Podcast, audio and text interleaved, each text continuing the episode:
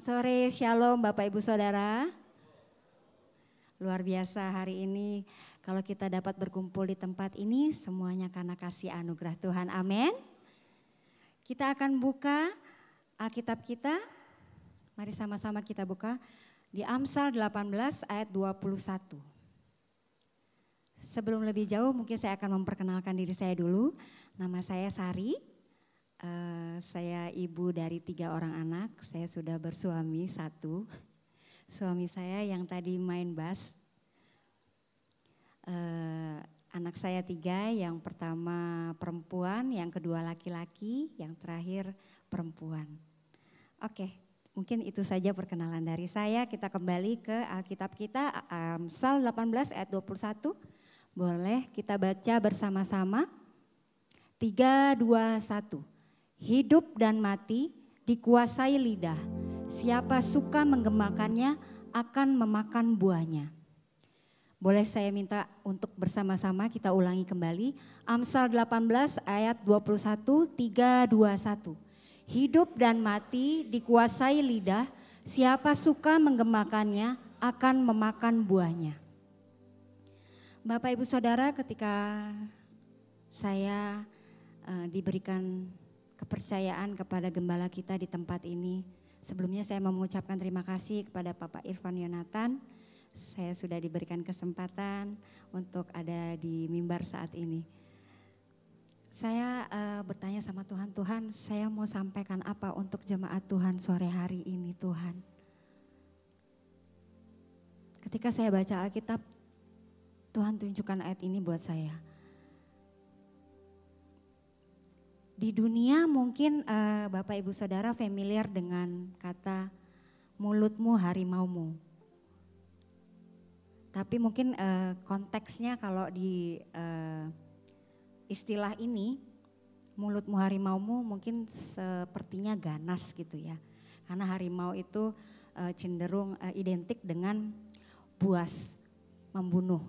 Tapi kalau untuk ayat Alkitab kita sore hari ini di Amsal 18 ayat 21, hidup dan mati dikuasai lidah, siapa suka menggemakannya akan memakan buahnya. Dalam ayat ini kita lihat ada dua hal yang kita mau buka, mau kita bedah sore hari ini. Yang pertama adalah hidup dikuasai lidah. Yang kedua, mati dikuasai lidah. Kita akan bedah yang pertama dulu hidup dikuasai lidah. Bapak Ibu Saudara, saya mau kesaksian tentang kehidupan saya. Tahun 2019, saya mengalami kecelakaan. Hari itu eh, seminggu setelah ayah saya meninggal. Eh, kami balik ke Bengkulu, kami mulai aktivitas kami saya bekerja sebagai seorang guru, suami saya sebagai seorang karyawan, anak-anak saya pergi ke sekolah seperti biasa. Hari itu biasa aja, nggak ada feeling apa pun, nggak ada pertanda apa pun. Semuanya berjalan seperti biasa. Hanya memang saat itu kondisi fisik saya kurang baik.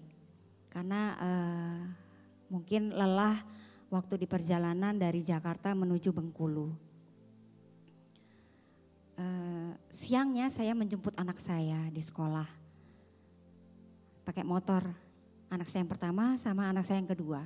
Anak saya yang ketiga dijemput papanya. Anak saya yang pertama duduknya di belakang, anak saya yang kedua duduknya di depan. Pulang dari sekolah, kami langsung, uh, kami mampir dulu ke pasar. Habis itu pulang, tidak jauh dari rumah kami, Tuhan izinkan saya pingsan di atas motor. Jadi pada saat itu saya menabrak pembatas jalan, tapi saya udah nggak sadar di atas motor tuh saat kejadian saya nggak sadar kalau saya nabrak gitu. Jadi eh, anak saya yang di depan sama anak saya yang di belakang pun saya nggak tahu kondisinya seperti apa saat itu. Ketika saya sadar, saya sudah digotong sama orang, di, di perjalanan anak saya yang cerita beberapa waktu setelah saya pemulihan. Mama, waktu mama diselamatkan sama orang, mama itu ngomong terus loh di dalam mobil itu. Ngomong apa bang? Darah Yesus, darah Yesus, darah Yesus. Sambil mama pegangin kepalanya mama. Emang mama bisa bang? Saya tanya sama anak saya yang laki-laki. Enggak tahu mama tuh tangannya ada di atas kepala begini. Sambil bilang darah Yesus, darah Yesus, darah Yesus. Sampai rumah sakit bang. Iya mah, kalau mama pas pingsan nggak ada suara, tapi begitu mama sadar, mama bilang darah Yesus. Mungkin boleh ditampilkan di media kondisi saya waktu kecelakaan. Saat itu saya ketika sampai di UGD, eh, dokter memprediksi bahwa saya sudah tidak lagi bisa eh, mendengar tidak lagi bisa melihat yang sebelah kiri. Sebelah kiri saya kalau saya selamat saya akan buta, uh, telinga saya sebelah kiri juga akan tuli. Bahkan karena kemarin saturasi nafas saya sudah di bawah normal, diprediksi saya bakal lewat menurut uh, tim dokter dari UGD, eh IGD. Ini keadaan saya waktu uh, saya diantar ke IGD di Rumah Sakit M Yunus. Bapak Ibu Saudara saya mau nyatakan, mungkin bisa yang uh, berikutnya, di situ tulang saya di dalam ini dari batas mata sampai ke bawah hancur Bapak Ibu Saudara.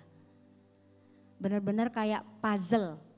Waktu operasi saya yang pertama, dokter bilang setelah saya selesai operasi sudah siuman, dokter bilang, ibu saya mengoperasi ibu sudah kayak main puzzle anak S, anak PAUD, anak TK. Karena hancurnya itu benar-benar hancur. Itu eh, Bapak Ibu Saudara bisa lihat di situ ada pen sebelah kiri, sebelah kanan, di bawah mata, eh, satunya lagi mungkin yang dari depan. Nah, itu lebih terlihat. Mata saya yang sebelah kiri itu turun karena tulangnya hancur. Terus bagian pipi kiri itu hancur. Pipi kanan di atas uh, tulang hidung juga hancur. Jadi saudara bisa bayangkan uh, bagaimana uh, kondisi saya saat itu.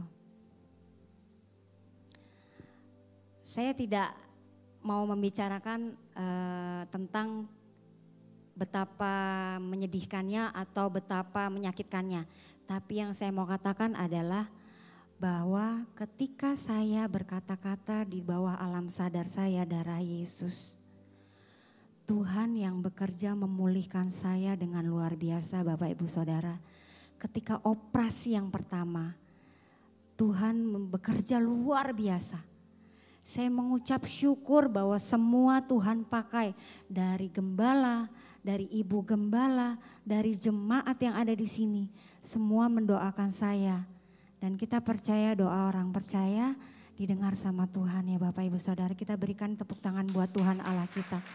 Kalau saya hari ini bisa berdiri di sini semuanya karena kasih karunia Tuhan. Bukan karena kekuatan saya, bukan karena siapa saya, bukan karena apa yang saya bisa, tapi semuanya karena kasih anugerah Tuhan.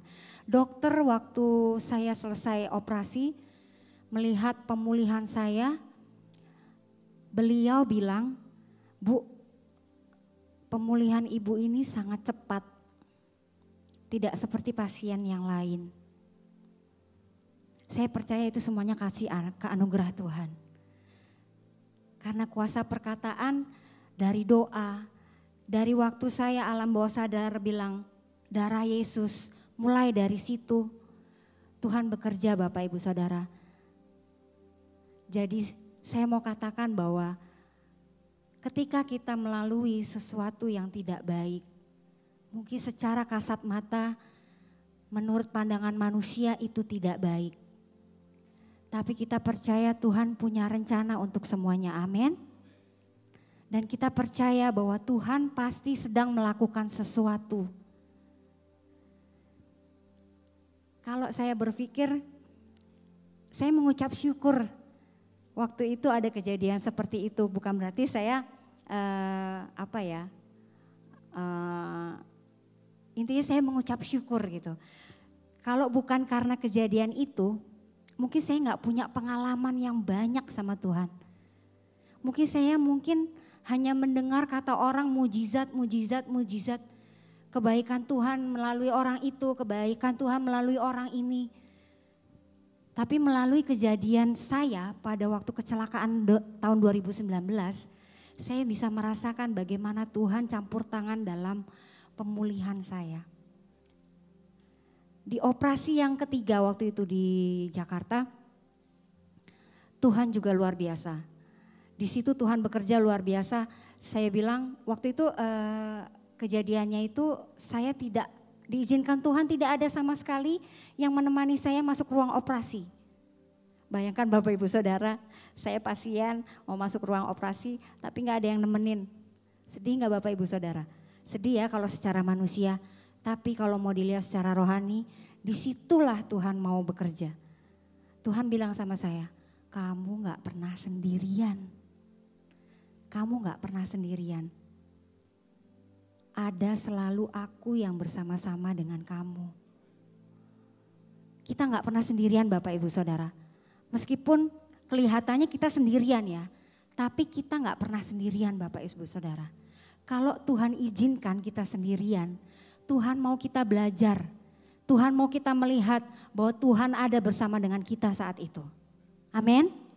Berikan tepuk tangan buat Tuhan Yesus. Puji Tuhan. Yuk kita mau buka lagi di Amsal 12 ayat 25. Boleh ditayangkan? Amsal 12 ayat 25. Amsal 12 ayat 25 Kekhawatiran dalam hati membungkukan orang, tetapi perkataan yang baik menggembirakan dia. Amin. Bapak Ibu Saudara, sore hari ini saya mau mengajak Bapak Ibu Saudara, ayo kita mulai sama-sama memperkatakan yang baik. Walaupun kejadian yang terlihat di mata kita, itu kejadian yang tidak baik. Saya bersyukur waktu kecelakaan saya 2019 itu, saya tidak, saya diizinkan Tuhan ditutup pikiran hati saya untuk bersungut-sungut. Tidak sepatah kata pun saya bilang sama Tuhan, Tuhan kenapa ini kejadian sama saya? Saya mengucap syukur untuk hal itu. Ayo mari Bapak Ibu Saudara saya mengajak untuk setiap hal, saya nggak tahu persoalan Bapak Ibu Saudara saat hari-hari ini. Tapi saya mau mengajak kita semua belajar kalau kejadian yang di depan kita tuh nggak baik, kita perkatakan yang baik. Karena itu yang akan terjadi. Apa yang kita perkatakan itu yang akan kita makan buahnya. Tadi di Amsal 18 ayat 21, siapa suka menggemakannya, dia akan memakan buahnya. Amin. Kita mau memakan buah yang buruk atau memakan buah yang baik pertanyaannya. Pasti kita mau makan buah yang baik, amin. Kita buka lagi Amsal 16 ayat 24.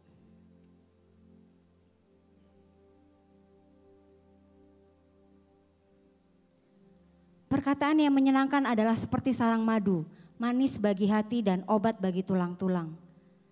Ini seperti kecelakaan saya waktu itu Bapak Ibu Saudara. Semua perkataan doa yang dinaikkan Bapak Gembala, Ibu Gembala, jemaat Tuhan di tempat ini buat saya, itu seperti sarang madu, manis bagi hati saya, obat bagi tulang-tulang saya. Dan membuat semangat saya kembali untuk sembuh lebih cepat. Saya ingat Ibu Gembala pada waktu itu berkata pada saya, speed recovery and perfect. Saudara, saudara tahu yang saya dengar ketika saya selesai operasi, saya percaya itu suara Tuhan.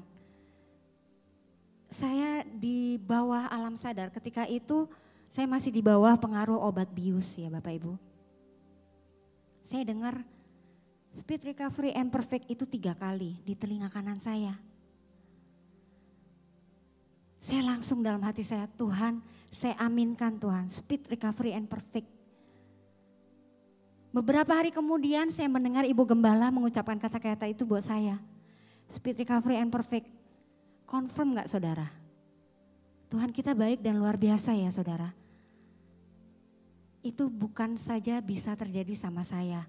Tapi sama saudara semua yang ada di tempat ini, Bapak Ibu semua yang ada di tempat ini. Amin.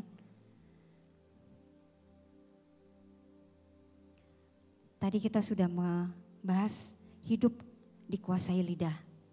Sekarang kita mau bahas yang kedua. Mati dikuasai lidah.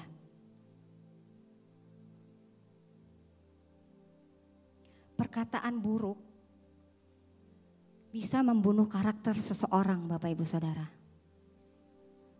Kebetulan saya guru di PAUD Bapak Ibu Saudara. Di sekolah kami mengajarkan untuk anak-anak selalu berkata yang baik. Ketika anak-anak berkata buruk, kami nasihati mereka untuk selalu berkata yang baik. Ada satu ketika uh, salah satu murid kami mengatakan sesuatu hal yang buruk. Dan saat itu anak uh, temannya yang diperkatakan demikian ngomong sama kami ngadu gitu, Miss si ini ngomong ini gini gini gini gini. Terus saya tanya sama anak itu, apa benar kamu ngomong kayak gini? Boleh nggak kamu? Maaf ya Bapak Ibu Saudara, uh, saya perkatakan kata-kata ini, anjing. Karena saat itu sedang ramai, sedang viral kata anjay. Dan anak-anak PAUD mendengar yang dewasa-dewasa memperkatakan hal itu, mereka nyerap Bapak Ibu Saudara. Mungkin ada kakaknya, mungkin ada eh, pamannya, bibinya, tantenya, atau mungkin orang tuanya sendiri ngomong kayak gitu di rumahnya. Mereka bawa itu ke sekolahan Bapak Ibu Saudara. Saya bilang, kalau kamu ngomong anjing, kamu mendoakan teman kamu untuk jadi anjing dong. Anjing tuh gimana? Anjing bunyinya bicara nggak seperti manusia? Enggak miss, katanya gitu. Kalau gitu kamu nggak boleh ngomong teman kamu anjing. Karena kalau kamu bilang anjing, kamu mendoakan teman kamu jadi anjing. Nanti kok teman kamu jadi anjing gimana? Tiba-tiba mengguguk, guguk, guguk, gitu. Terus dia ketawa. Bapak Ibu Saudara, saya mau tanya dulu. Di sini Siapa yang sudah menikah? Boleh angkat tangannya? Oke. Duh, sebagian besar belum menikah. Oke. Bagi kita yang sudah menikah dan sudah memiliki anak, mari kita belajar untuk tidak memperkatakan yang buruk di depan anak-anak kita. Karena apa? Itu akan tertanam. Ketika kita memperkatakan hal yang buruk buat anak-anak kita, itu akan tertancap di paradigma mereka bahwa mereka adalah orang yang seperti itu. Misalnya ya, anak kita nakal atau keponakan kita nakal ya, karena di sini banyak yang belum menikah. Keponakan kita nakal, nggak bisa dibilangin. Terus kita bilang, hih kamu nakal banget sih. Itu terus yang kita perkatakan. Setiap kali dia melakukan perbuatan yang tidak kita sukai atau yang kita larang. Itu terus yang kita perkataan. Kamu nakal banget sih, makin hari kok makin nakal sih. Kok gak bisa berubah sih? Bapak ibu saudara, perkataan itu akan masuk ke hatinya, perkataan itu akan masuk ke dalam pikirannya, tertumpuk. Setiap kali perkataan itu masuk, masuk terus, tertumpuk itu terus yang ada di pikiran dia. Apa akhirnya? Anak itu bukannya jadi semakin baik Bapak Ibu Saudara. Tapi justru semakin nakal. Bagi para calon ibu, para wanita-wanita yang ada di tempat ini, bagi para ibu-ibu, nanti yang belum nikah kalau sudah menikah, kuasai perkataan kita untuk anak-anak kita. Jangan perkatakan yang tidak baik. Karena perkataan seorang ibu adalah doa bagi anaknya. Amin. Perkataan ayah juga. Perkataan ayah juga doa buat anaknya. Apakah kita mau anak kita seterusnya akan menjadi anak yang nakal? Tidak, bukan? Mari sore hari ini kita belajar. Sama-sama belajar, saya juga belajar. Saya juga seorang ibu. Kadang saya juga merasa kesel sama anak saya ketika anak saya tidak taat. Tapi saya belajar juga untuk mengendalikan lidah bibir saya untuk tidak berkata yang tidak baik untuk anak-anak saya. Bapak Ibu Saudara nanti akan menikmati buahnya dari tingkah laku anak-anak kita.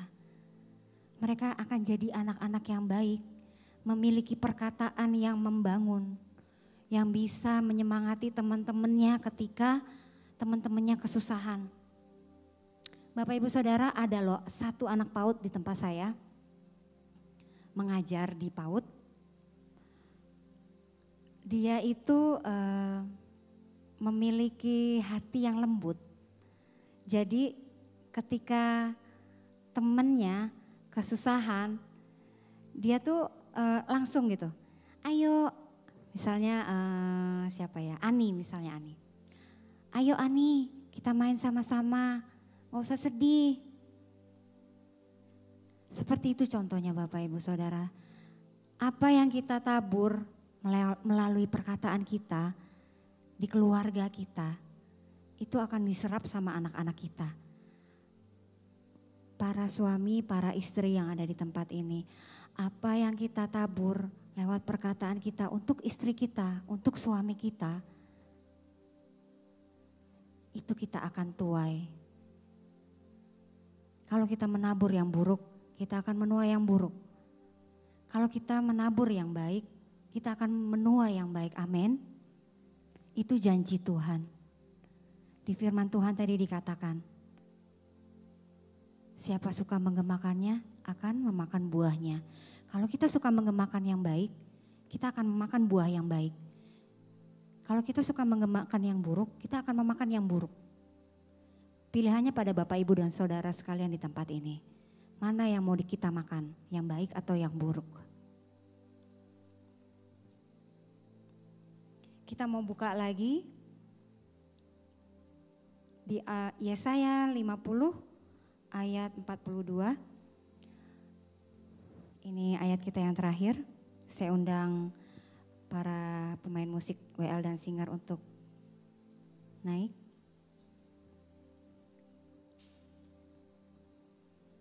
Bapak Ibu Saudara, mari kita teladani uh, karakternya Tuhan Yesus Ketika Tuhan Yesus disalib, di atas kayu salib, dia tidak melontarkan kata-kata kutuk pada semua orang yang sudah menyakiti dia, pada semua orang yang sudah menyiksa dia secara lahiriah, secara batiniah. Tuhan Yesus tidak hanya dicambuk, Tuhan Yesus tidak hanya di mahkotai duri, tapi dia juga dihina, diludahi, tapi tidak ada satu kata pun yang buruk yang keluar dari mulut Tuhan Yesus. Justru perkataan berkat dan doa yang keluar dari mulut Tuhan Yesus saat itu. Berkatilah, ampunilah mereka Tuhan. Karena mereka tidak tahu apa yang mereka perbuat. Sore hari ini yuk mari Bapak Ibu Saudara kalau ada orang yang menyakiti kita. Kalau ada orang yang sudah membuat kita terluka jangan kutuki mereka. Jangan keluarkan kata-kata kutuk. Mari kita menjadi muridnya Tuhan Yesus. Yang seperti Tuhan Yesus sudah ajarkan. Dia sudah memberi teladan di atas kayu salib. Yuk mari sama-sama kita uh, baca Yesaya 50 ayat 42. Yesaya 50 ayat 42.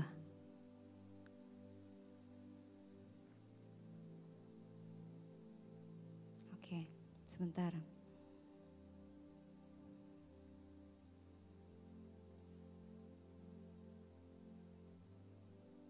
Maaf Bapak Ibu Saudara, saya salah, saya salah ayat Bapak Ibu Saudara. Di situ dikatakan bahwa lidah seorang murid Tuhan sudah menganugerahkan kita lidah seorang murid untuk memperkatakan apa yang baik. Ketika Tuhan Yesus sudah memperkatakan apa yang baik, beliau sudah memberikan kita suatu teladan. Bahwa untuk setiap perkataan buruk, setiap penghinaan, setiap penderitaan yang sudah dia terima di atas kayu salib, dia tidak memperkatakan apa yang buruk. Satu patah satu patah kata pun. Justru dia mendoakan kita sebagai orang-orang yang mengaku murid Tuhan Yesus. Ayo mari kita perkatakan hal yang baik karena kita sudah dianugerahi Tuhan. Mari Bapak Ibu Saudara kita bangkit berdiri.